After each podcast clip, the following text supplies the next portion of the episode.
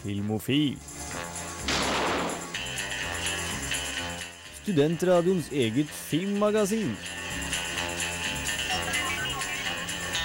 Lights ready, all set. Cameras. Hei og velkommen til Filmofil. Sommeren er over, klokka er slagen, og vi er tilbake på skolebenken. Fadderuke er i gang, men her i studio så er de pliktoppfyllende og dedikerte filmofile tilbake. Med meg i studio har jeg på teknikk Hans. Jeg har med meg som alltid Trine. Og med oss som gjest har vi Christian Høkås. Vi skal snakke mer om hvorfor vi er her i studio, og hvorfor vi liker film. Vi skal også snakke om Oppdrag Dory, som Hans har anmeldt. Vi skal snakke om en liten serie vi har snublet over, som heter Stranger Things. Men før det så skal vi snakke om den låta som kommer nå. og det er Young You med Kak Madafaka.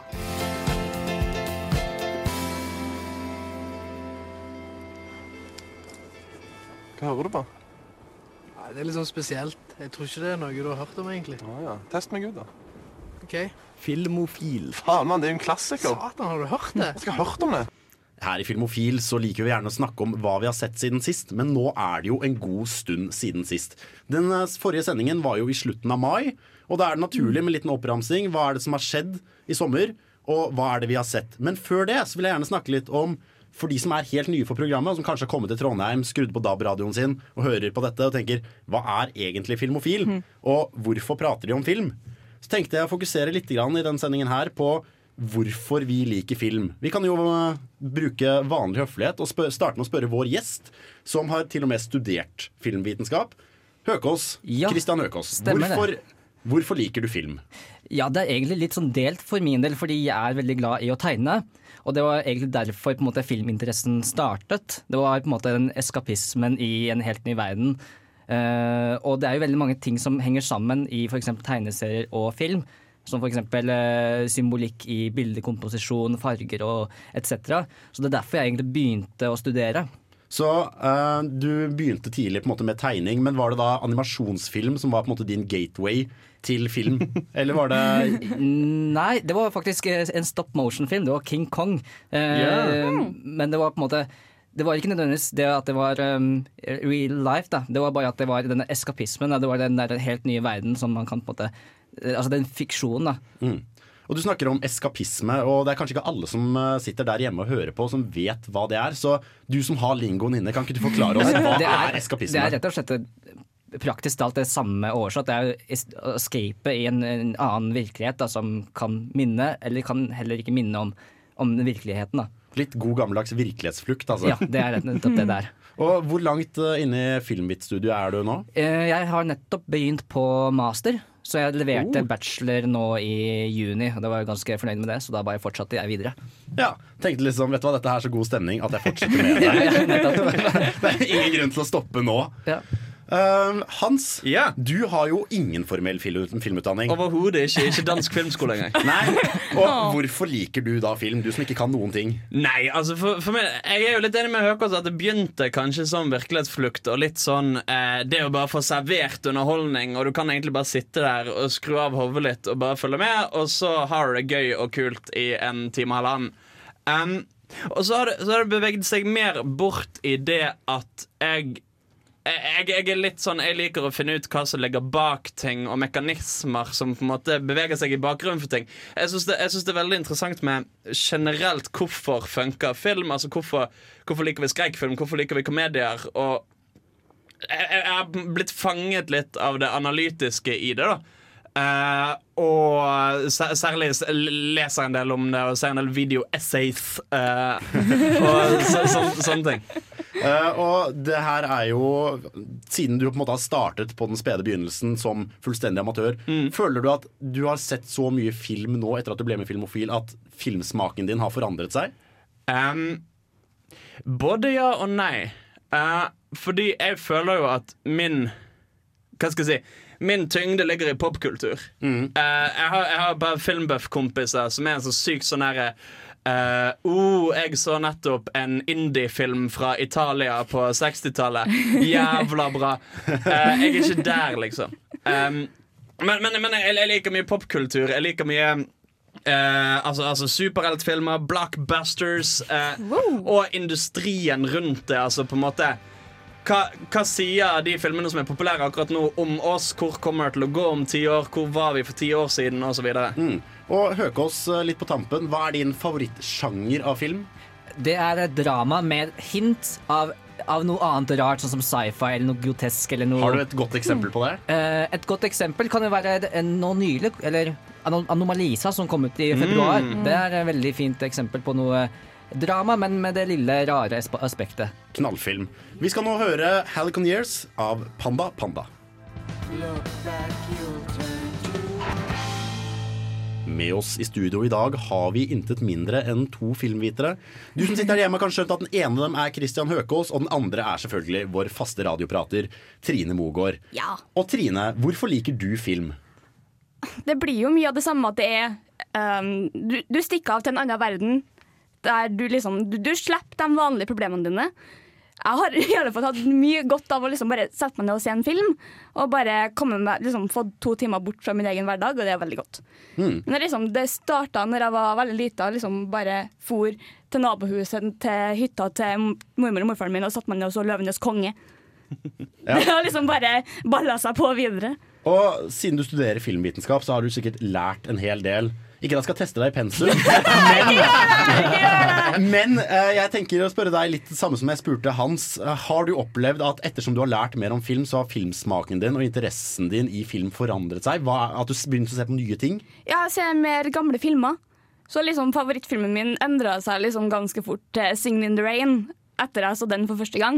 Ja, for den er jo fra 1952. Ja, liksom. Der, ja.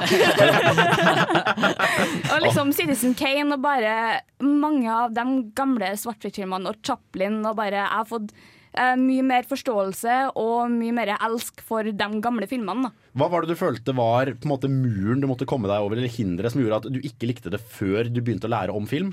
Eh, jeg måtte hit og se på filmene i forelesning. Ja, Og da, da fikk du på en måte en ny forståelse? Ja, nei, når jeg satte meg ned med Når vi starta med filmens historie andre semester i vår, så bare Alt bare Det her er fantastisk, jeg må bare finne mer å se på. For det her er, det her er så bra laga, og det, det er ikke sånn mer. Ting går ikke sakte, ting må gå fort hele tida. Jeg er jo for så vidt glad i de filmene, men det er liksom godt å ha noen filmer som bare går sakte og tar seg tid.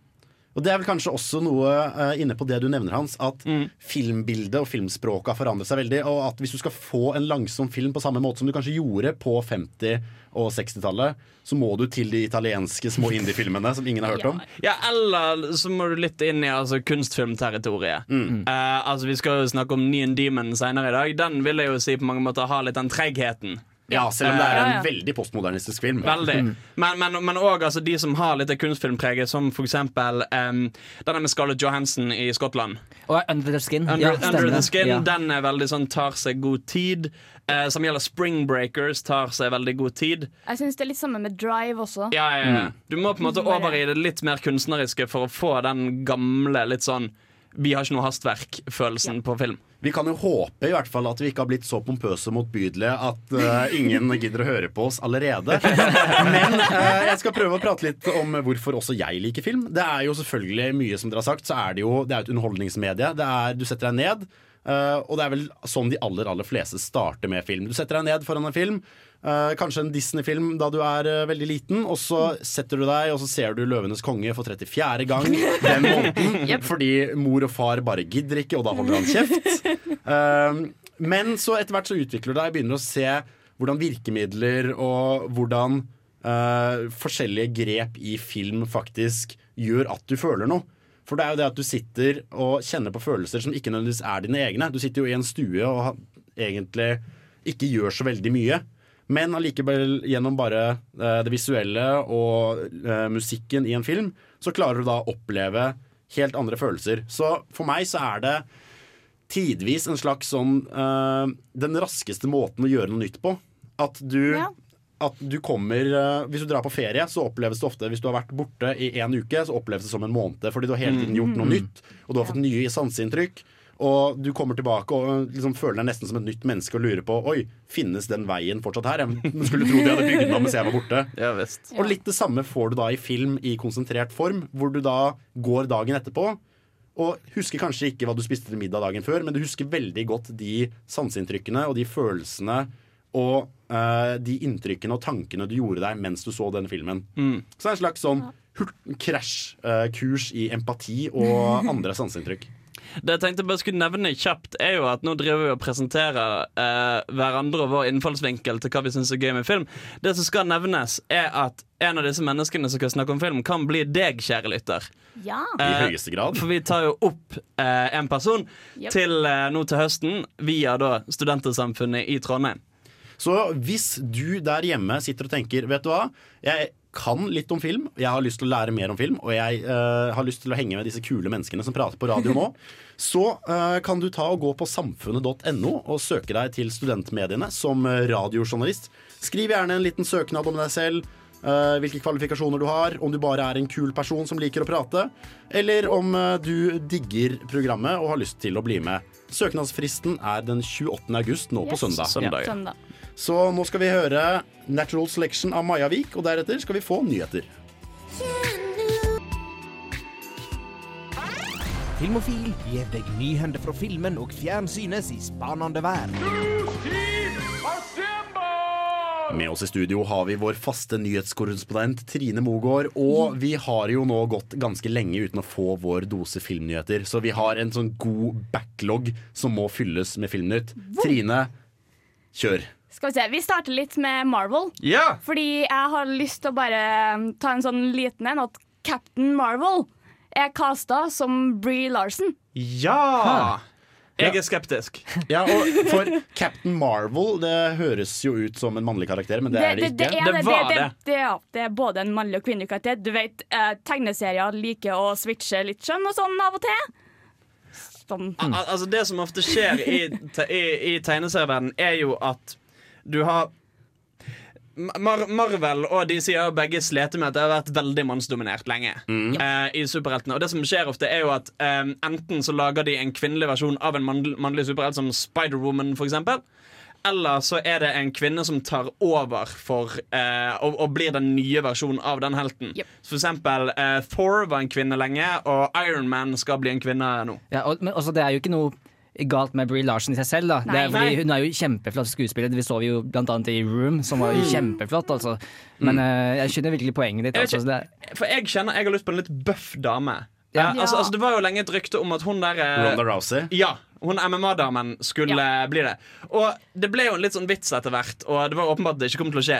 Men det hadde passet så perfekt. For, for altså, altså, Captain Marvel er ikke noe sånn daddy, daddy, da. Jeg, jeg hypnotiserer skurkene.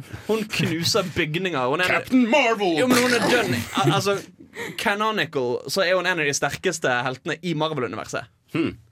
Og da kan det ikke være en litt sånn spinkel uh, ung pike. Da føler jeg det må nesten være noe ja, med litt du vet at de, hun kan bøffe seg opp litt, Ja, ikke det sant? bør hun. She fucking better. Ja, vi fortsetter litt i Marvel, vi. Fordi internettet har klikka helt. Fordi Igjen? Ja, igjen, som vanlig. Fordi Zendaya fra Disney mest sannsynligvis skal spille Mary Jane Watson. Hvem er Zendaya? Eh, hun var med i Shake It Up. Og hvilken hudfarge har hun?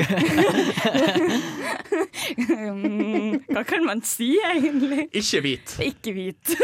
Ja, og hun, Hva var det hun skulle spille? Mary Jane Watson. Ja, nettopp, ja. Altså, Så hun, hun som er veldig, veldig hvit, eh, rødt hår.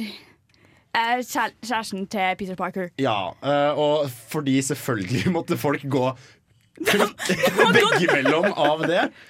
ja, og så har jo, eh, slik jeg har hørt, Stan Lee har også kommentert Ja. dette. Men han er positiv, er han Ja, ikke det? Ja, han er positiv. Jeg har, jeg har det her et eller annet sted. Um, jo, if she's a good actress as mm, Ord, skjønner du. If she is Um, if she is as good an actress as I hear she is, I think it'll be absolutely wonderful. The color of their skin doesn't matter. Their religion doesn't matter. All that matters is that this is the right person for the role. Stanley, ass. Ja, Så jeg tror vi egentlig kan liksom si Uh, oss veldig enige som filmofil. Det er Ja. ikke hudfargen som avgjør hvor Ja, men det er jo en så idiotisk ting å henge seg opp i. Altså, det, er jo, det er jo ingen av skuespillerne som har spilt Spiderman til nå, har jo gått på high school heller. Nei. Nei. men Spiderman er jo en high schooler, så det er masse som ikke stemmer i utgangspunktet. Jeg leste jeg leste en tweet. Fordi jeg vil bare ta det opp. Bare sånn Ja, nei, hvis Mary Jane kan være svart, så må neste person som spiller Martin Luther King, være hvit. Fordi det er jo selvfølgelig uh, like Rivende likegyldig hvilken farge eh, Mary Jane eh, spilles av, enn Martin Luther King. For det er overhodet ikke en sentral Nei, nei, rolle i liksom borgerrettighetskampen hvilken hudfarge han hadde. Nei, Jeg vil, nei, nei. jeg vil jo anbefale at folk sjekker ut uh, Moviebob. Uh, har jo lagt ut et litt sånn videoessay på dette. Yeah. Uh, og han, han, skri, han skriver masse om det at hvordan eh, Det spiller overhodet ingen rolle hvilken hudfarge Mary Jane har. Mm. Eller for så vidt hva skjønn hun har. Altså, hun kunne vært en gutt, og de kunne gjort Ja, Spiderman ja. homo. Altså, altså, hun er en veldig formbar karakter, for hennes eneste karaktertrekk er at hun har rødt hår og er fin. Neste, vet du hva, Vi stemmer for neste Mary Jane er Mike Jones. Han er, han er asiat og buss, buff as fuck. Uh, det, vi fortsetter litt til Spiderman Mm. Homecoming. Det er en, eh, en ny person som er casta i filmen. Uh, Michael uh, Chernus. Han spiller da i mest, Jeg tror han er mest kjent for Orange is the New Black. Han spiller broren til Piper. Ja Han, litt, han som gifter seg med en veldig hippie dame.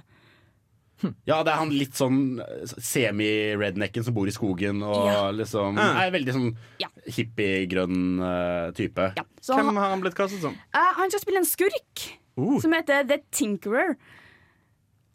Ikke hørt om. Ikke sant? Det er litt sånn. Men det er allerede én annen skurk i filmen, som Michael Keaton som The Vulture. For det kan ikke være en fucking Spiderman-film uten at du har tusen skurker. Så det liksom Jeg begynner å bli veldig, veldig sånn Nei, ikke gå i Spiderman 3 eller Amazing. Spiderman 2-fella igjen. Vær Du, så snill, Hold kjeft angående Amazing Spiderman 2. Den er undervurdert. Ja, det er ikke det, men den har for mange skurker i den filmen. Ja da. Ja, Det var, det var, det var liksom det. Det var den veien jeg gikk. den er grei. Så det er lov å håpe at de klarer å liksom holde snørene sine på linje. Ja, det går an. Uh, så um, The Ring Ja! var jo en film En som, god film. fra, som er en, eh, både en amerikansk, en amerikansk versjon av en japansk skrekkfilm. Mm -hmm. uh, så kom det en oppfølger, The Ring 2. Uh, nå kommer det eh, en tredje Ring-film, som da heter Rings. Og det Now har, it's even ringer. Det, det kunne vært verre. Han kunne hett I-Ring. Og det har kommet ut en trailer Å, som er Hans hjelp meg. Altså, du, det, det, virker, til deg det virker som det er veldig myntet mot, eh, mot liksom dagens sosiale medier og internetthverdag. Ja. Eh, hele konseptet i opprinnelige The Ring var jo at det var en VHS-kansett. Uh, som ble delt rundt, og så hvis du så den, så kommer du til å dø innen syv dager.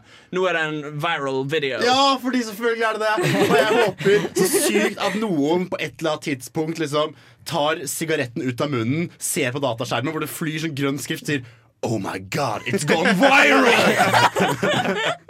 Altså, vi får se. Disse tingene har jo fungert på et vis før innen skrekkfilmer. Altså, altså, det finnes på en måte skrekkeksempler. Pun intended. I, be, I begge deler. Altså, du har um, Scream TV-serien, som jeg syns har klart å gjøre det veldig bra. Eh, med å på en måte ta hele konseptet med å dekonstruere skrekkfilmer og sette det i en moderne setting. Og så har du eksempel Unfriended. Ja. Eh, en skrekkfilm som Åh. utelukkende består på eh, laptopskjerm. Det kunne jo ha blitt så bra. Men det ble så jævlig dårlig. eh, så, så jeg er forsiktig optimistisk. Vi skal få mer nyheter. Men før det så skal vi høre Fogg av Cold Creek. Minner igjen om at dere kan søke Samfunnet og bli med oss. For et program i burra med både klasse og stil. Du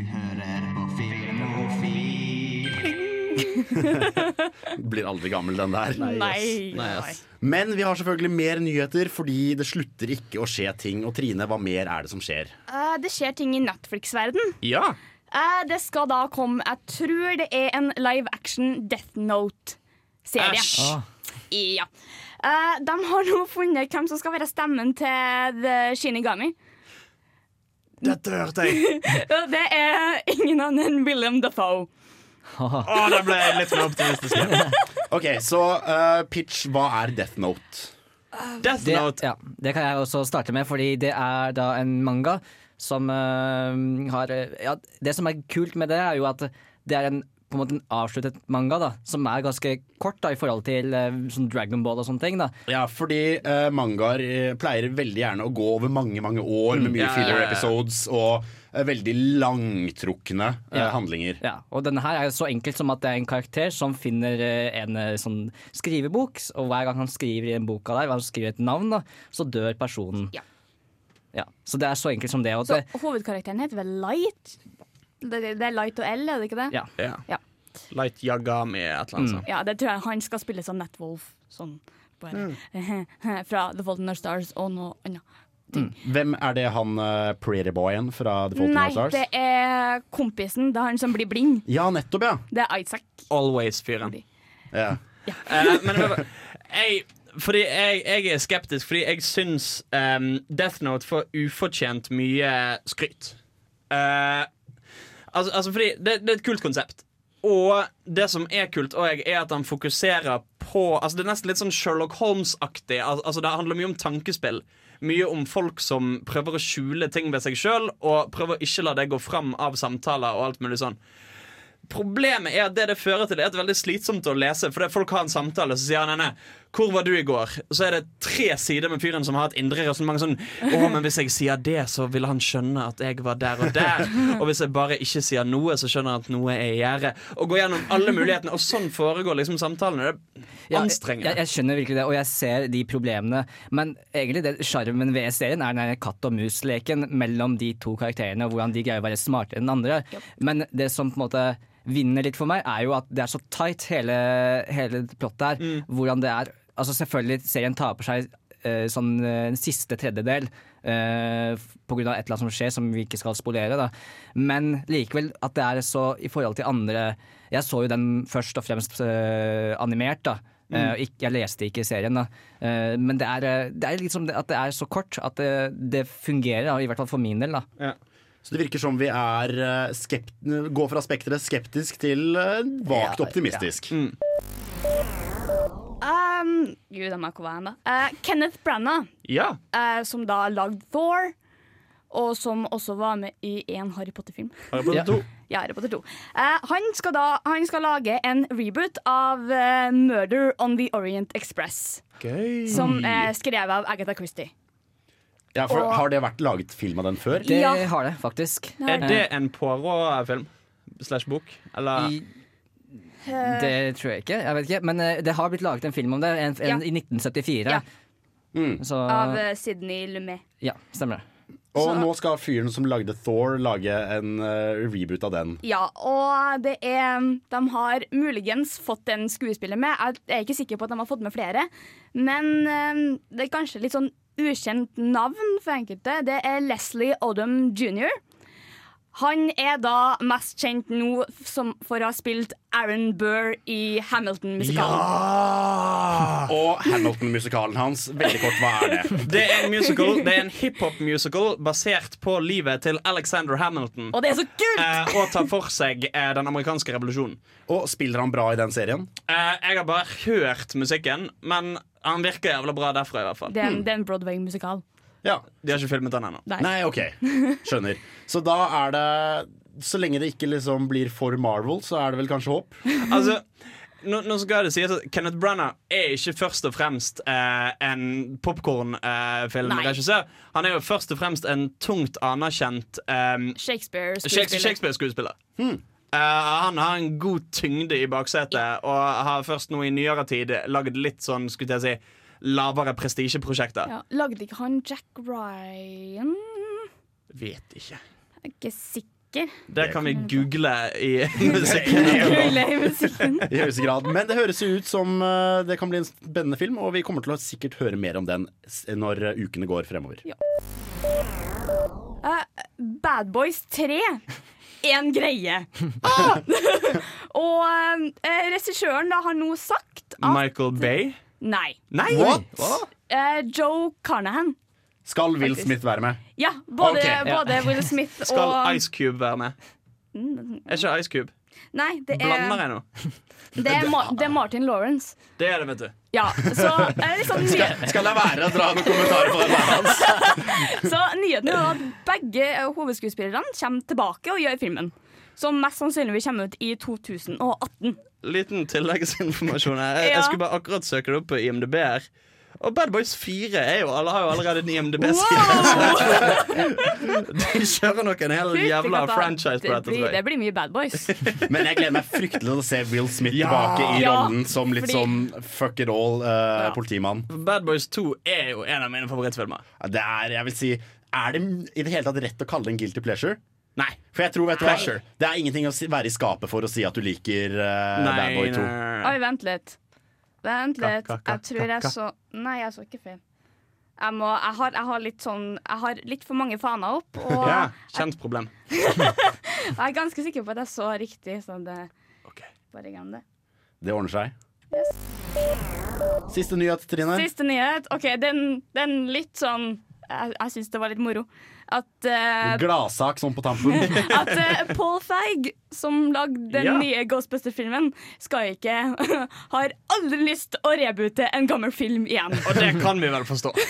Fordi de tidligere nevnte svette kjellernerdene på internett har sagt sitt.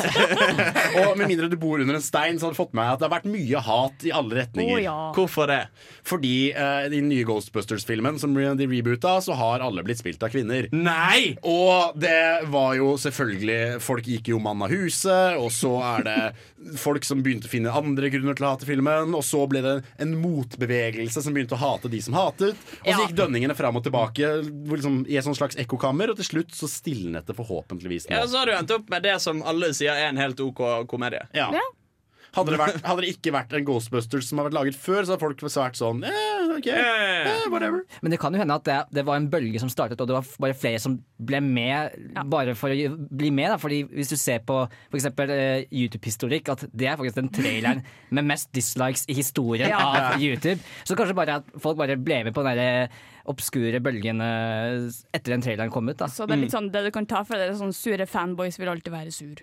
Det er et visdomsord man absolutt kan ta med seg. Vi skal høre en eh, film som også har fått en oppfølger. Det er Oppdrag Dory, som Hans har vært og anmeldt. Men før det så skal vi høre Antler med låta Antler.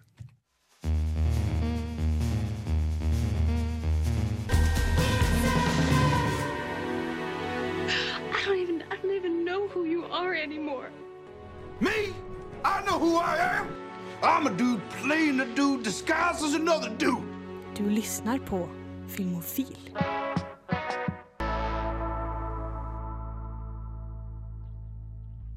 Hans, du har jo vært på kino og sett en film. Det stemmer. Jeg har vært på kino og sett to filmer, men det er én vi skal snakke om spesifikt nå. Ja, eh, Og det her er jo, som vi nevnte, en eh, oppfølger. Og har, eh, jeg vil si, har en ganske høy eh, Høy sånn hoppete Wirkola-faktor. Ja. Fordi eh, spesielt i vår generasjon så er jo Oppdrag Nemo en film veldig mange har vokst opp med og har veldig kjære for, et veldig kjært forhold til. Jeg husker jeg så den blant annet fire ganger på en uke, for det var det som var liksom bursdagsfilmen. Og så var Mm. det alle som hadde bursdag samtidig, som bare ja, vet du hva, vi setter på Oppdrag Nemo nå også. Det stemmer. Eh, den likte jeg veldig, veldig godt. Og nå har da oppfølgeren, eh, Oppdrag Dory, kommet. Og den har du anmeldt, og det gleder jeg meg veldig til å høre. Kan Det ikke du bare snurre anmeldelse? Når Oppdrag Nemo kom på kino, var jeg ni år gammel. Nå er jeg 22, og oppfølgeren Oppdrag Dorry har kommet til norske kinoer. Og uten å skryte på meg noen særlig ervervet livsvisdom i løpet av de 13 årene, vil jeg påstå at filmsmaken min har modnet et par hakk siden da. Likevel satt jeg nesten like begeistret i kinosetet denne gangen.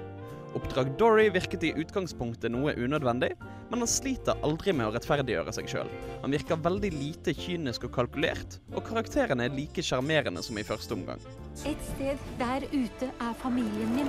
Jeg finner dem ikke på egen hånd. Ikke vær redd, Dory! Hold dere fast! Se opp!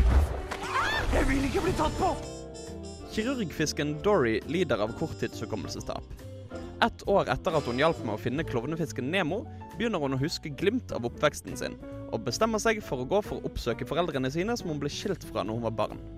Underveis havner hun, Nemo og Nemos far Marlin i ulike former for trøbbel, de møter gamle venner hun sjøl ikke husker, og må overbevise fiskene og dyrene hun møter, om å hjelpe henne. I det hele tatt bidrar denne filmen til å gjøre Dory til en mer utfylt karakter, heller enn en morsom bikarakter, som hun var i den første filmen. Vi får se tilbakeblikk til når hun var barn, vi forstår mer av hvordan hun endte opp der hun er nå, og vi følger hennes forsøk på å nå fram, og viser at hun kan overkomme hindrene hukommelsestapet setter opp for henne. Mye på samme måte som Nemo må takle utfordringer i forbindelse med den ene underutviklede finnen Dere! Hvor er dere? Hallo? Dory! Hvor dro dere? Det var jo du som dro! Mor og far, jeg huska dem! Vent, hva huska du? Jeg at dem! Mamma, pappa, jeg har en familie! De vet ikke hvor jeg er. I det hele tatt fungerer det dritbra. Filmen klarer å skape humor ut av at Dory er annerledes, uten at det føles som om vitsene er på hennes bekostning. Det er en film som viser at du kan utgjøre en forskjell og utrette små mirakler selv med et ganske betydelig handikap, og at alle er verdt noe uansett hva de har gått gjennom eller hva de sliter med. De nye karakterene viser òg dette, blant andre den svært svaksynte hvalhaien Lykke og den gretne blekkspruten Hans, som begge bor i et stort akvarium og som er redde for det åpne havet. De må lære å overkomme utfordringene sine gjennom å akseptere at de er som de er, og at det ikke handler om hvilket kort du får utdelt, men om hvordan du spiller de. Kan dere være så snille å dempe dere? Har vondt i huet. Hvem er det? Det er naboen min, Bjarne. Han kom hit med en hodeskade. Jeg vet at du snakker om meg, Lykke. Han tror han ikke kan bruke ekkolokalisering, men jeg hørte legen, jeg. Det er ikke noe i veien med han. Absolutt alt du sier om meg. Hvis jeg skulle ha trukket for noe, så er det at de norske stemmene ikke føles like bra som tidligere. Det virker generelt som litt hastverksarbeid, og enkelte av vitsene som ikke lar seg like greit oversette, føles som de kunne ha blitt bedre hvis en hadde brukt litt mer tid på det. Likevel er dette en film som er veldig verdt å se. Han passer kanskje best for barn, men stjel med deg en lillesøster eller en nevø som unnskyldning, gå og se han, og plutselig sitter du i kinosalen og er ni år igjen. Det her er jo en Pixar-film, og med Pixar-film så vil du alltid ha en sånn slags emosjonell bagasje. eh, hvor uh, du, Det spiller litt på hjertestrengen, da. Uh, det gjorde i hvert fall originalen. Og føler du at den her er like jevn fordeling på liksom alvor og humor om hverandre? Ja, men jeg vil kanskje si at det er en litt forsiktig form for alvor. Altså, altså Han har jo veldig den at Dory vil finne igjen foreldrene sine og ha denne, eh, dette hukommelsestapet som gjør at hun eh, tidvis glemmer at hun i det hele tatt har foreldre som hun skal finne, og, og sånne ting. Eh, og at hun er i en litt sånn vanskelig situasjon. Eh, Det han ikke har, er på en måte den eh, konflikten mellom karakterer som vi hadde i første filmen, med Marlin og Nemo. Ja, For nå Hvor- er, de, nå er han stort sett med på alt hun gjør? Ja. Og, og hvor eh, faren har dette beskyttelsesinstinktet, og hvordan det er litt hans feil at det gikk så det gikk. Her er det mer sånn jeg skal bare løse et problem. Så du har litt annerledes emosjonell kjerne. Det jeg var veldig redd for med filmen her, det var liksom at det skulle gå på samme måte som eh, Minions, der de tar en eh, bisekarakterer og gjøre dem til hovedpersonen. Det er liksom Jeg må bare spørre igjen, men funka det ordentlig? Det funker virkelig bra. Jeg, for jeg satt jo og tenkte på det. Skal de på en måte finne en eller annen vanskelig, kronglete måte å legitimisere at de lager en hel film på Ja. Dory? Men, men det funker bare. De klarer på en måte få det, det føles legitimt. Det føles som dette er noe som faktisk ville liksom skje- skjedd videre. Ja. Eh, og, og altså, altså det er veldig positivt og fint budskap i filmen. Altså, altså det handler jo basically om at hvis, jeg- selv om en er annerledes, selv om en kanskje sliter med sine ting, så er det greit. Og jeg sitter og tenker Hvis jeg får en unge som er noe litt sånn sløv, skal jeg, skal jeg bare faen meg vise den ungen eh, oppdrag Dory, og så skal den ungen bli glad, og så skal jeg være en god far. Ja, så det er, det er jo skikkelig sånn hjertevarmt. Og Ja, ja, ja. Alle, alle kan bare på sin måte. Å, jeg ble så glad nå. Jeg blir sånn åtte igjen. Eh, Når det gjelder Pixar-filmer, så har de gjerne for hver eneste film en sånn show-off-ting når det gjelder eh, hvor bra de har kommet med rendering og, og computergenererte effekter. Eh, hvordan eh, stiller den her i forhold til den originale i form av eh, hvordan eh, karakterdesignet er, og er det noe kult vi kan vente Um, visuelt sett? da? Det er veldig tilsvarende. Det som, det som jeg la merke til, er at um, For jeg så en sånn bakomfilm om Oppdrag Nemo. Og de snakket mye om det at de kunne, hvis de ville, kunne de lagd helt fotorealistisk hvordan ting så ut under havet. Mm. Men de bestemte seg med vilje for å få det til å se litt tegnefilmaktig ut. For, Ja. for de ville ikke at det skulle se ut som en ekte film. Eh, og den estetikken har de på en måte tatt med seg videre inn i denne filmen. Det er en veldig fin film. Ja. Eh, og godt karakterdesign og alt det har de tatt med seg videre. Det som imponerte meg, er når altså, altså, vi, vi får se litt mer av overflaten her enn i tidligere filmer. Ja. Eh, og det, som er- altså, altså det vann, Vannet har de klart å få et jævla bra til. Det ser så flott og dynamisk og ekte ut. Og det kommer fra en bergenskar. Ja, sant. Da må det Er det stemme. én ting jeg kan, så er det vann. Så det er rett og slett en, eh, en solid tommel opp til den filmen. da Ja, ja, ja. Stikk og se den på kino. Særlig hvis du klarer å stjele en unge og se med. Yes. Stjele en unge, faktisk. Ja. Ja, du hørte det. Jeg, Hans Østernes på Radio Revolt oppfordrer folk til å gå ut og stjele en unge. Deler også resten av redaksjonen står bak Ja, ja, Hans. Ystadnes sitt Absolutt. budskap. Så vet du hva, hele studentmediene vi, vi er for å stjele unger. Vi skal snakke om summer hits som vi har sett i sommer, men før det skal vi høre Profiteer av Day of the Jackalope.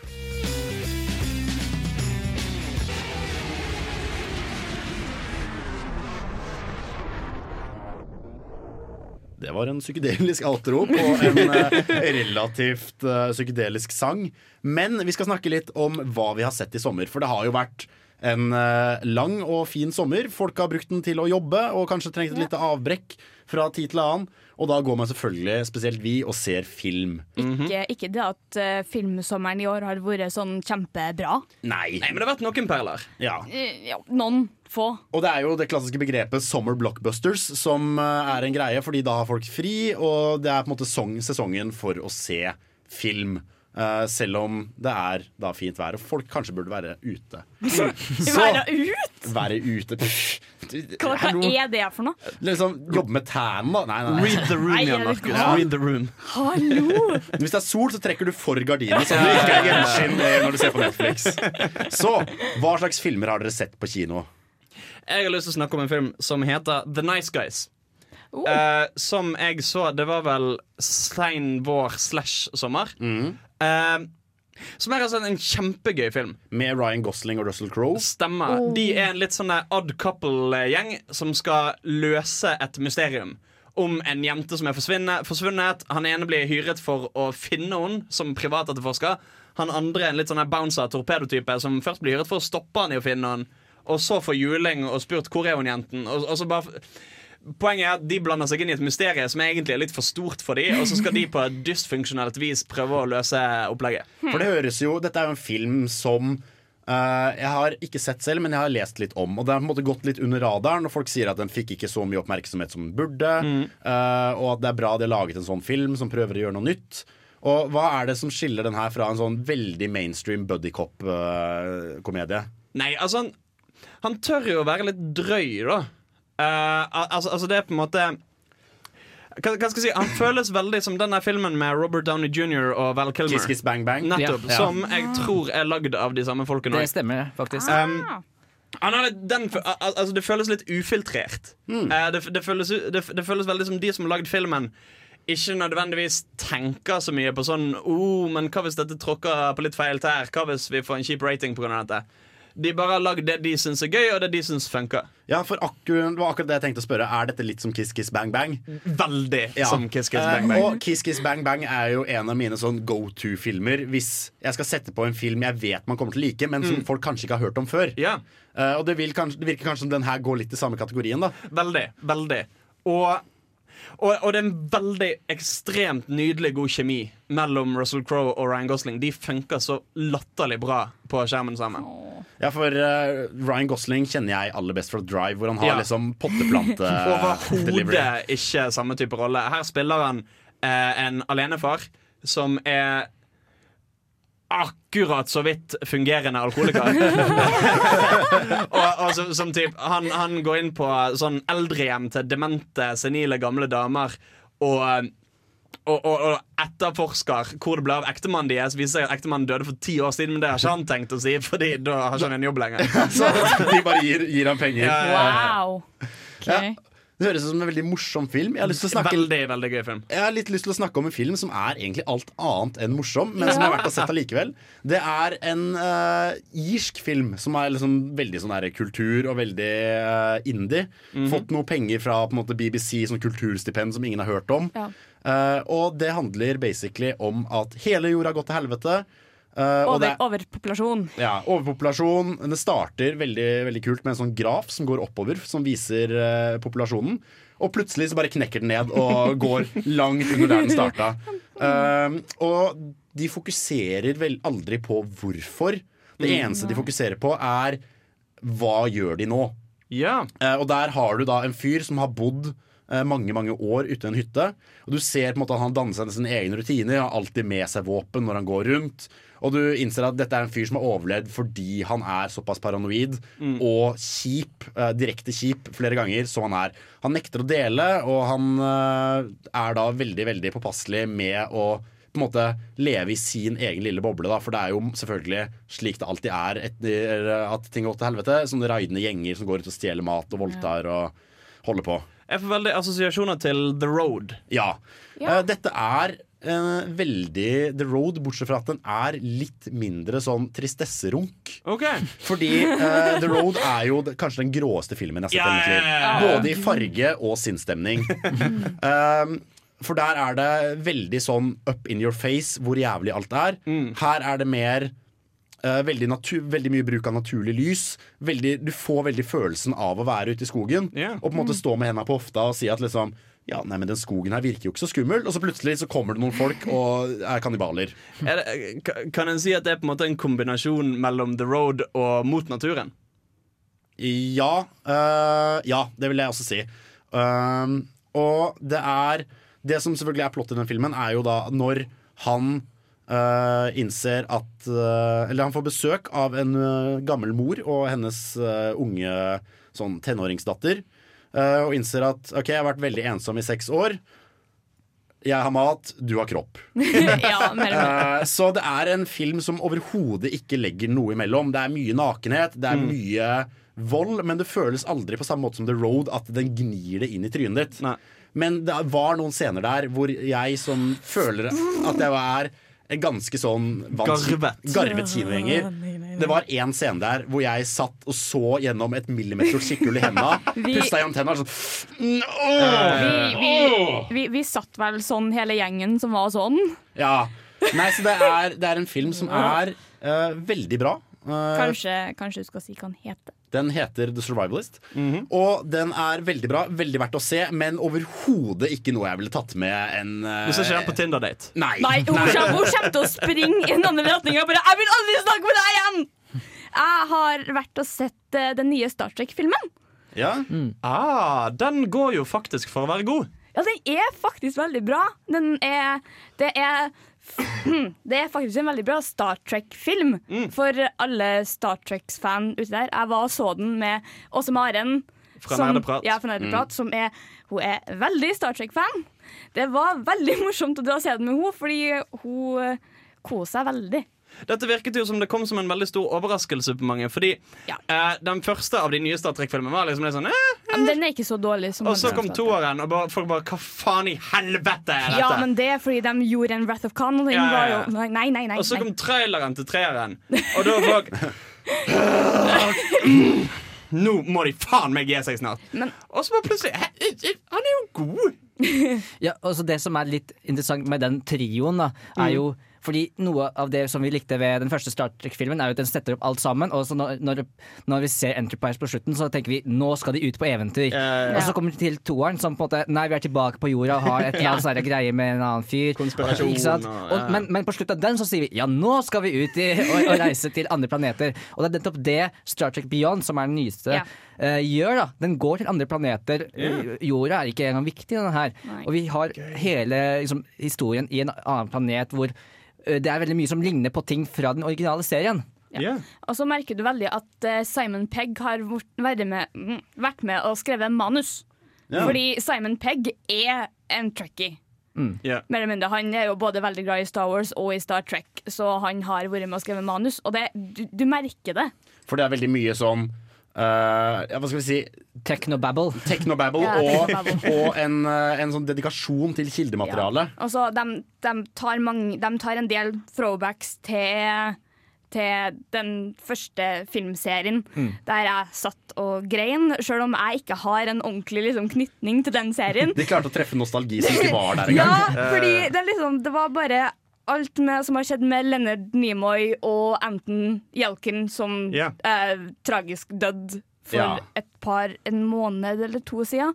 Så liksom på, etter filmen er ferdig, når det står det, Spoiler, det kommer til å stå 'For Anton' på skjermen. Ja. Jeg satt der og Hvordan våger du, Trine?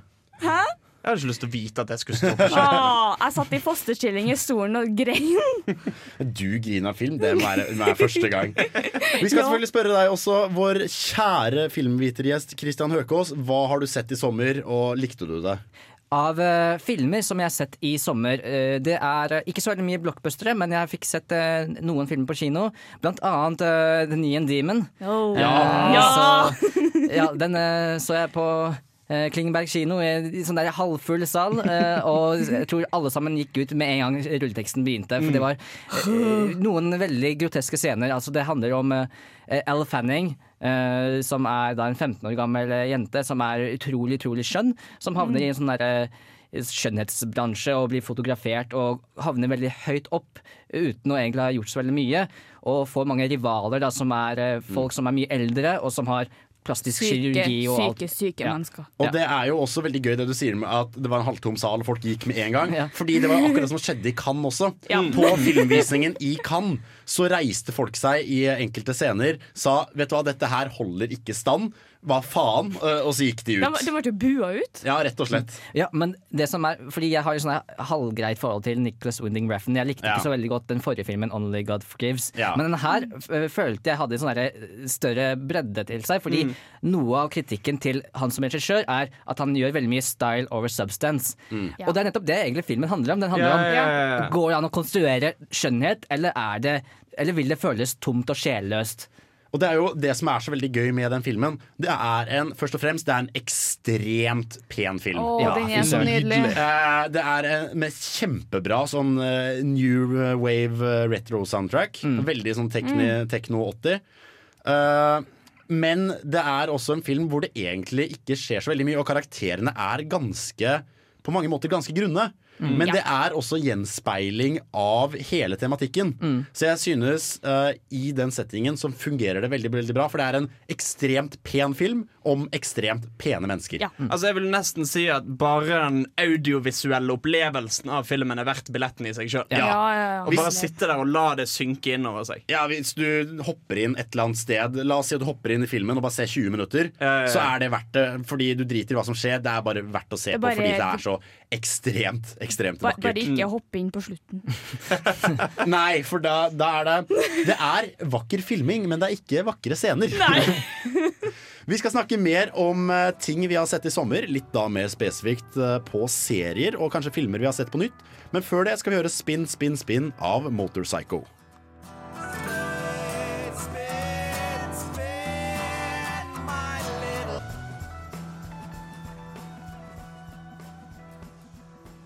Vi har uh, sett litt serier i sommer også, slik man gjerne gjør når sola skinner og det er for varmt til å gå ut.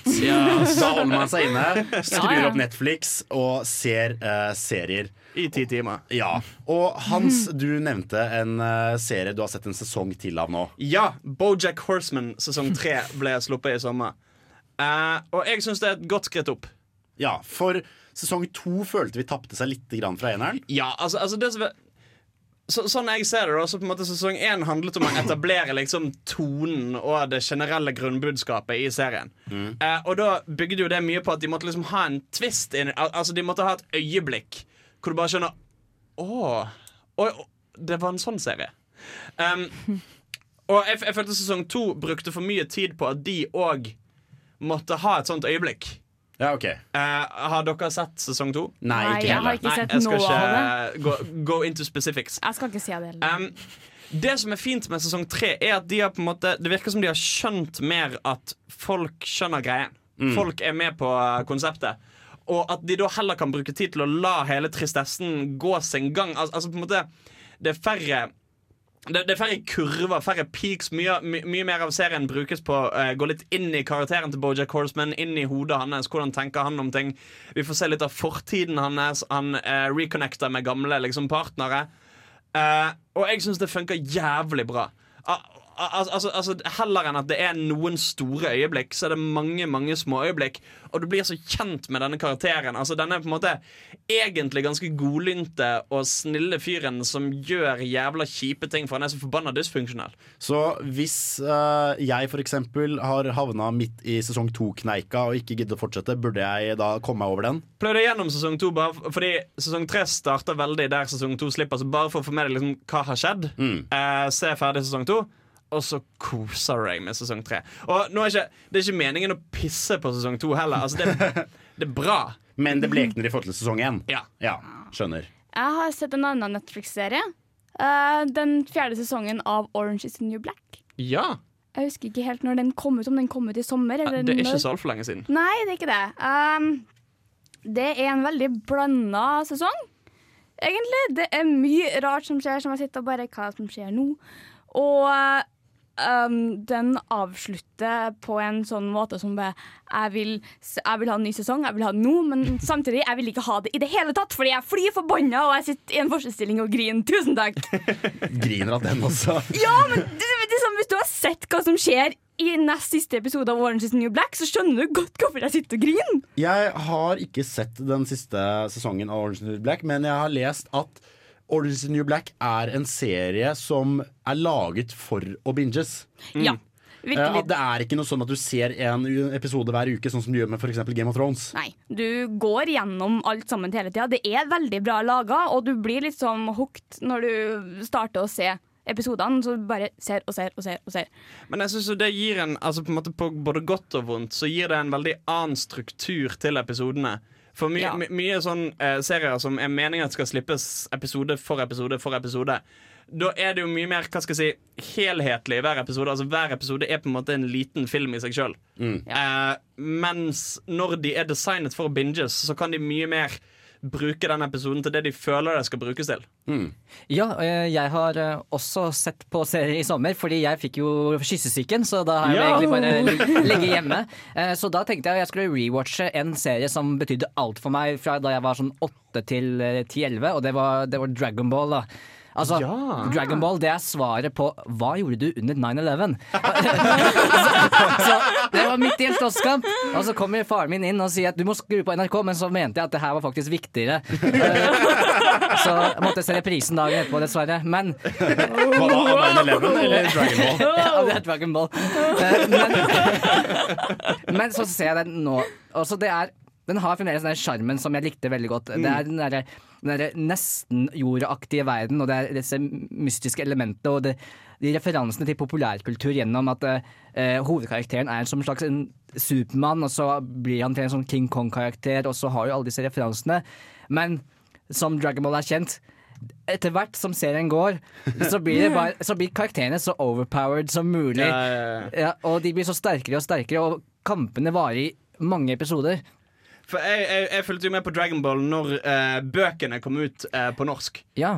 Og um, det, det jeg husker jeg satt og tenkte var at etter hvert så blir det så sykt sånn her Å, nå skal Son Goku bli supersterk, så da må han trene oss Gud.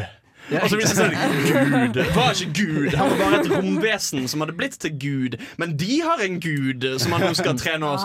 Og guden har en gud som Son Goku nå skal trene Det sluttet liksom aldri. Ja, altså, Nå er Son Goku den sterkeste i universet. Her har vi en enda sterkere fyr. Men det, hvis du ser bort fra på en måte, den ekstreme og logaritmiske skaleringen i serien, har det fortsatt noe for deg nå som du er eldre? Uh, det er på en måte egentlig som et nostalgisk tilbakeblikk. Litt sånn som vi så, uh, snakket om tidligere i sendingen, om uh, ting som vi eh, revisiter. Da. Uh, men det er egentlig det er ikke så veldig bra, egentlig, serien. Men den har den sjarmen. Karakterene er festlige. Og jeg er glad i den der eskapismen som jeg snakket om tidligere. Så det er, det, er, det er OK. Ja, Spesielt i begynnelsen. Spesielt første Dragon Ball-serien. Vi skal snakke mer om eh, nostalgi og ting som minner oss på ting vi har sett før. For vi skal snakke om Stranger Things, som er en jævlig bra serie. Oh. Men før det så skal vi høre Ung og blank av Hvitmalt gjerde.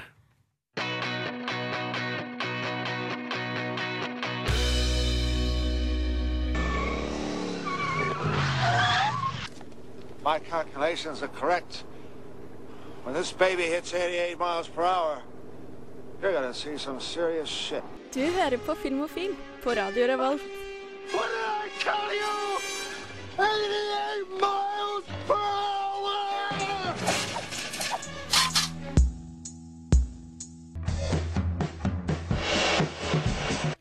Så vi har jo selvfølgelig sett uh, Stranger Things. Ja. Det er en serie som kom litt ut av absolutt ingen steder. Ja, Mm. jeg, hadde, jeg hadde hørt om den, men hadde ikke tenkt over at den kom ut.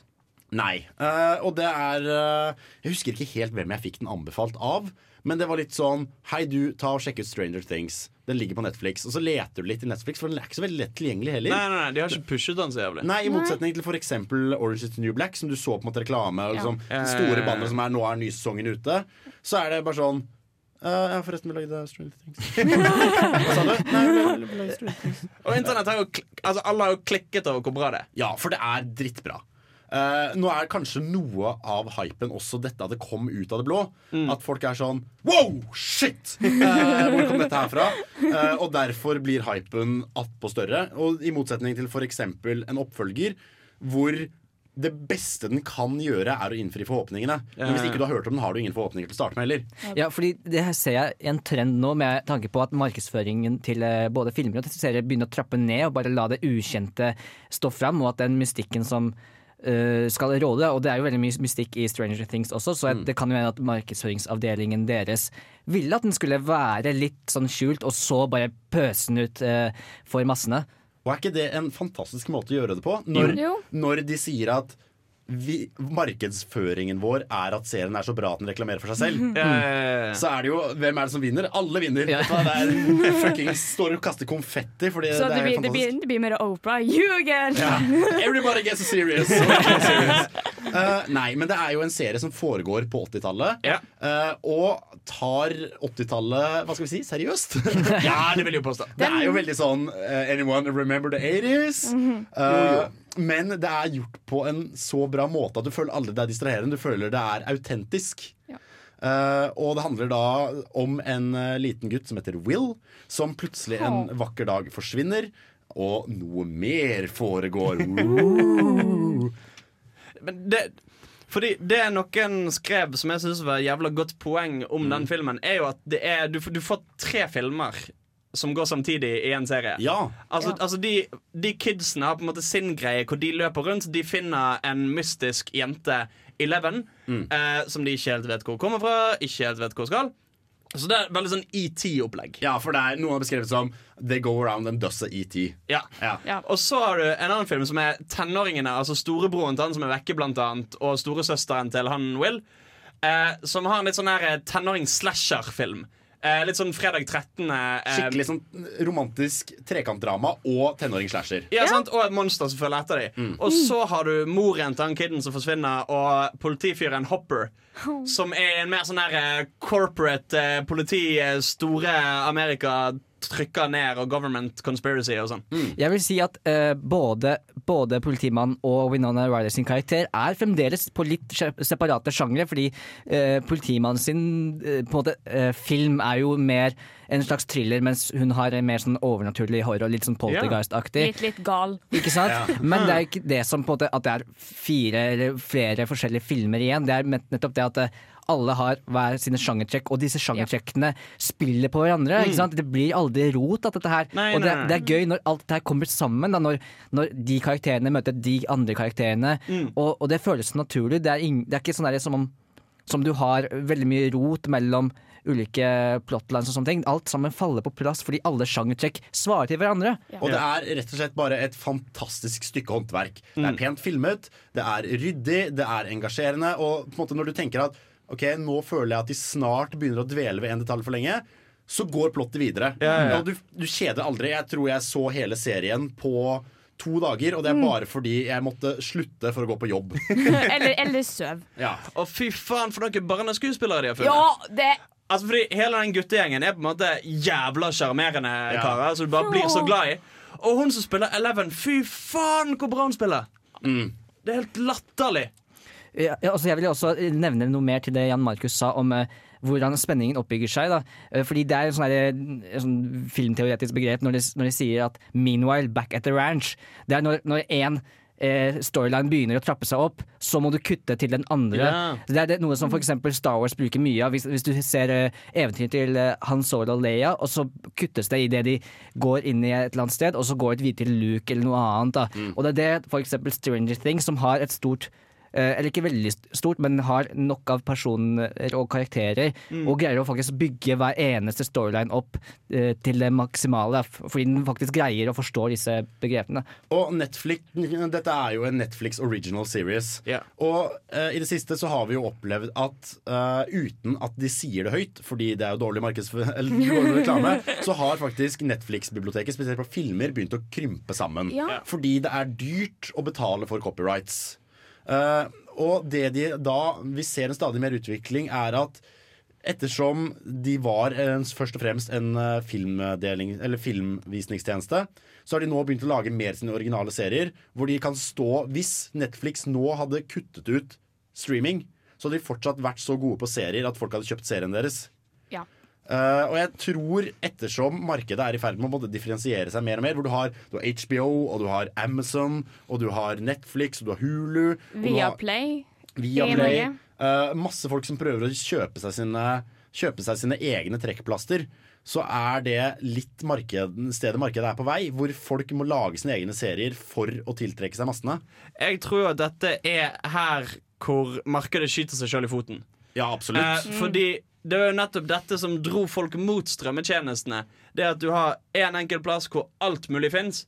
Eh, det er lett tilgjengelig, og det å betale litt i måneden Ingenting. Så lenge jeg har det enkelt, lett tilgjengelig på ett sted og kan finne det meste. Ja. Men nå blir det så sykt sånn Jeg skal ha min strømmetjeneste, og jeg skal lage mine serier, så du kun kan se SS. Det, det er jo akkurat det problemet vi rømte fra. Men det er jo derfor folk strømmer til Popcorn Time. Når Mm. Ikke det sant? kom ut, da var det liksom, du slipper å betale noe, det er mer filmer der, det er mer serier, det er Ja. mer av alt, egentlig. Og det er, jeg tror kanskje det er også det største argumentet uh, Popcorn Time hadde. Ikke nødvendigvis det at det var gratis, fordi Nei. selvfølgelig var det gratis. Det var- Men det var jo også det at her hadde du alt på ett sted. Og herregud, så behagelig det er. Og det, det er jo ikke, problemet er jo ikke at folk ikke vil betale. Nei. For det gjør jo folk. Hadde, folk, hadde Popcorn Time sagt OK, vet du hva, vi har den samme tjenesten, men det koster 1000 kroner måneden. Jeg hadde gledelig betalt. Ja, la være å Jeg får spise. masse. Jo, jo, men la, la oss si for eksempel at de, eh, La oss si at for å få et noenlunde fullstendig utvalg, så Mm. må du ha fire subscription-greier. Og de Ja. koster rundt en 70-80 kroner i måneden hver. Ja. Jeg hadde betalt eh, 350 kroner i måneden for å få en hvor alt var. Ingen Ja, gjerne. Ingen tvil. Selvfølgelig er det. det. Vi skal snakke mer om uh, summer hits og hva vi har sett i sommer, men uh, før det så skal vi ha ukas serie som passer veldig godt til temaet. Du får vite hva det er snart, men før det Get Me Drunk av As She Said. I'm tripping, breaking. Hei! Hei! Det er ikke 90s sitcom-flashback. Ta og Skru på noe annet. Ja, bedre, men prøv igjen. Der, ja! Ahem. Filmofil presenterer ukas serie. Det her er da Wet Hot American Summer, som er uh, først og fremst Uh, slik vi kjenner det, en original serie på Netflix. Men det er også en film fra 2001. 2001 Ja. som handler om uh, en sånn uh, school camp i 1981. Og det som er så gøy, er jo at denne spiller jo veldig på det vi har snakket om. Dette med nostalgi, uh, og også er en original Netflix-serie. Og jeg så eh, Jeg skulle finne da en, eh, et klipp å legge inn, eh, som vi skal høre senere. Og da fant jeg et klipp fra den originale filmen, og skjønte det ikke før det hadde gått flere minutter. Fordi der spiller jo også Paul Rudd. Ja. Men uh, og han, han spiller også i serien. Så jeg sa sånn, ja ok, dette er Paul Rudd, da må det være riktig, da. Han har jo ikke blitt det skapte grann eldre. Nei, overhodet ikke. Det er ikke mulig å se at det er 15 år siden sist. Ja, fordi de, det er uh, Hva var det for noe? Er det før eller etter den originale filmen det her tar Det er en prequel. Ja, det er en prequel, Ja. så det er akkurat samme skuespillere som er med i serien som var med i filmen, som prøver å spille yngre enn de gjorde da. Altså, dette er jo bare, det er bare, det er bare en tulleserie. Poenget er at filmen handler om siste, det er vel siste dagen Ja. eh, på sommerleir. og så lager de en serie eh, 15 år seinere om opp til siste dagen på sommerleiren. Og det som er så kjempegøy, er at filmen Filmen har mange rare, snåle karakterer, og så har de bare sånn lagd de så langt fra det som mulig. Og så på veldig innviklet vis prøve å få de karakterene til å bli det de var i filmen. Ja, det, jeg skulle egentlig si litt av det samme. Det her er jo egentlig en veldig absurd Mm. eh, serie. Og, og grunnen til at det, det bare fungerer, er fordi eh, originalt i den første filmen så etablerer jo den, hele denne filmen at dette her er egentlig bare eh, kødd og mange absurde og obskure referanser og veldig mye metating da, til ja. summer camp movies. da. Ja, for det er jo eh, det er jo Først og fremst så er det jo en sånn uh, cameo galore. Mm. Det er jo så mange skuespillere som Er han med? Er hun med? Hva er de med? Og det er jo uh, De spiller jo også veldig på en sånn slags dekonstruksjon av sjangeren. Hvor de Det er sånn bare i løpet av de første to episodene så får du på en måte servert 20 forskjellige sånn 80s blockbuster-troper. Hvor det er sånn sumpmonstre og han ene kiden som er sånn, og han ene læreren som er sånn. Og du, på en måte, du kjenner deg veldig igjen i en hverdag du ikke engang har vokst opp i. Og vi skal høre et lite klipp her som jeg føler eh, understreker litt den der absurditeten og også hvor banalt det er, men på en litt intelligent måte. Kjør klipp. Will you go with me? For serious? No way. That place is definitely haunted. That's one thing I know for a fact. I'll let you touch my boob after. Whoa. Which boob? Left. My left or your left? Mine. No, mine. That's my right boob. Do you want me to go with you or not? Do you want to touch a boob for the first time in your life or not? Yeah, fine deal. Let's go. Og det er jo veldig sånn Det som er så gøy, er at det er jo voksne mennesker Ja, ja, ja. som spiller, eh, spiller unge mennesker. Det er en fantastisk greie der hvor Elizabeth Banks spiller en en Rolling Stones-reporter, er det vel? eh, som skal infiltrere denne skolen. Og Elizabeth Banks er jo en skuespillerinne som er vel oppe i 40-årene et sted. Eh, hun spiller en 26-åring som skal utgi seg for å være 16-åring. Og står liksom Jeg er jo en 26 år gammel reporter! Hvordan skal de tro at jeg er 16? Skal se, jo, Elizabeth Banks er 42. Nettopp. Ja, og hun er, ser jo fortsatt ganske bra ut. Ja, ja, fy faen. Ja, gjør det. Men eh, det er en veldig morsom serie som tar seg selv ekstremt uhøytidelig, og som spiller på en måte på uh, alle de tropene. At det er litt av den gjenkjennelsen som også er mye av humoren. Eh, vi skal snakke mer om ting vi har sett i eh, nettopp sommer. Men før det skal vi få 'Strangers From The Sky' av Death by Unga Bunga.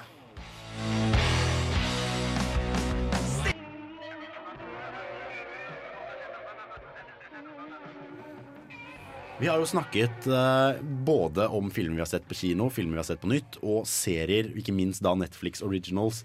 Men det vi ikke har snakket så mye om, er rett og slett eh, alt rundt. Hva er det vi har sett, eller opplevd, eller lest, eller følt om film og serier i det siste? Jeg har lyst til å snakke om Harry Potter and the Cursed Child. Ja, for Fordi det manuset ble sluppet i bokform Ja. i sommer. mm. Og det skal bli en film? Det, Nei, ikke film. Eh, Det- det- skuespill. det er et teater, teaterstykke Uh, som ble satt opp for uh, noen måneder tilbake.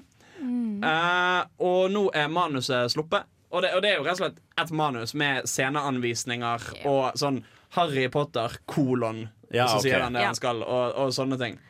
Um, og jeg, jeg syns det er artig, men òg veldig annerledes fra tidligere Harry Potter. Fordi de tidligere nevnte kjellernerdene har jo hatet. Ja. Det, det har vært en del hat, og jeg syns mye av det er ganske ufortjent.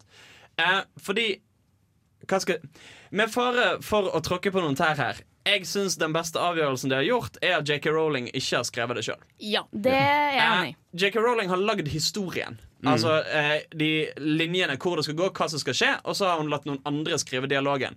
Og det syns jeg er bedre. Det føles kjappere, det føles mer effektivt til tider. Det er et litt skuffende klimaks i, eh, i eh, Litt? Lite grann. Eh, og, og, og det er kanskje litt tungt på eksposisjonen innimellom, men i det store og hele syns jeg det funker. Ja, fordi Trine står jo her og ler som jokeren. Eh, og du virker da noe uenig. Nei, men Eller hva skal vi si, ikke fornøyd Ok. med The Cursed Child. Nei, jeg syns jo det er veldig moro at det kom. Men det er litt unødvendig. Det er veldig morsomt å være tilbake i Harry Potter-verden. I, Liksom, jeg brukte jo én dag på å lese den. Det går ufattelig fort. Um, jeg er veldig glad i akt én. Der Mm. det, liksom, det handler om sønnen til Harry Potter, hvordan han har det på Galtvort. Og et, etter akt én er ferdig, så går det bare veggimellom. Og jeg sitter her og bare Jeg er ikke sikker på om jeg liker det her, eller om at jeg bare hater alt. Ja, for eh, Min greie med, med dette her er jo at jeg har egentlig bare unngått eh, alt som har med Cursed Child å gjøre. egentlig. Det jeg liker ved Harry Potter-universet etter at siste bok kom, er alle info vi får på sånne ting som Pottermore. Ja. Bare sånn ekspandering av universet og sånne ting som Fantastic Beasts. For det har jo Mm. ikke så veldig stor relasjon oh, til til. Harry Potter. Ja. Men, men sagaen om Harry Potter var på en måte slutt. Så egentlig det eneste jeg ønsker mer, er bare mer info om universet, og ikke nødvendigvis en, noe nytt etter det. da Mm. En annen ting jeg har eh, sett på som ikke nødvendigvis har med film og serier, er en, det er en nettserie. Det er noe som heter Harmon Quest. Eh, og det er da Dan Harmon, som vi kjenner fra blant annet eh, Community. Community, Community, ja. og Rick and Morty. Uh, som har samlet noen venner, tar med seg noen gjestefolk, og spiller da uh, en litt sånn uh, hva skal vi si, lett versjon av Dungeons and Dragons mens det filmes og animeres. Eh, og det er, det er gøy. Dødsgøy. Fordi de er rett og slett morsomme folk. Og Dungeons and Dragons eh, er gøy å se på folk spille. Eh, og Det åpnet da også et vindu hvor jeg plutselig begynte å søke opp forskjellige og fikk anbefalt forskjellige Dungeons Dragons playthrough. Uh, og snublet, snublet da også innom uh, Diesel and Dragons. Som er Vin Diesel. Ja, jeg har Eh, hørt om det For Vin der. Diesel er kjempenerd på Dungeons Dragons. Ja. Så det er rett og slett da en sånn liten serie som ligger i forskjellige episoder, hvor du kan gå inn og se på Vin Diesel spille eh, Dungeons Dragons med en veldig, veldig flink gamemaster. Da kan jeg òg anbefale en podkast som heter The Adventure Zone.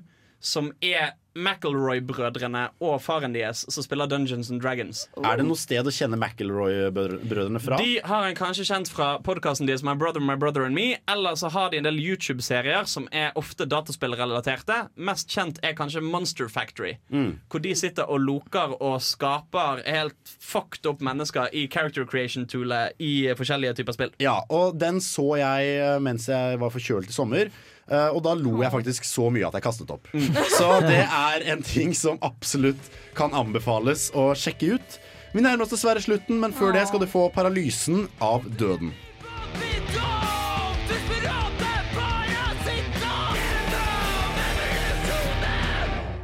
And on that bombshell of a song så nærmer vi oss dessverre slutten av dagens sending. Vi har pratet litt om uh, hva vi har sett i sommer. Vi har pratet om uh, Hans som han anmeldte Oppdrag Dory, og Mhm. ikke minst uh, Netflix og originale serier, og mye nostalgi. Ja. Med meg i studio så har jeg hatt Hans. Jeg har hatt med meg en veldig flink og veldig god gjest. Christian Høkås. Og jeg har hatt med meg Trine. Neste uke skal vi snakke om reboots. Vi skal snakke om eh, Star Trek. Eller ukas hjemmelekse er Star Trek, altså den nye filmen som har kommet. Den første i det som nå er en triologi. Vi skal snakke om Battlestar Galactica, som er ukas uh, serie. Men uh, før det så vil jeg bare minne om at vi nå har opptak på Samfunnet. Ta og søk, bli en del av oss. Og inntil da, ha en fortsatt god kveld.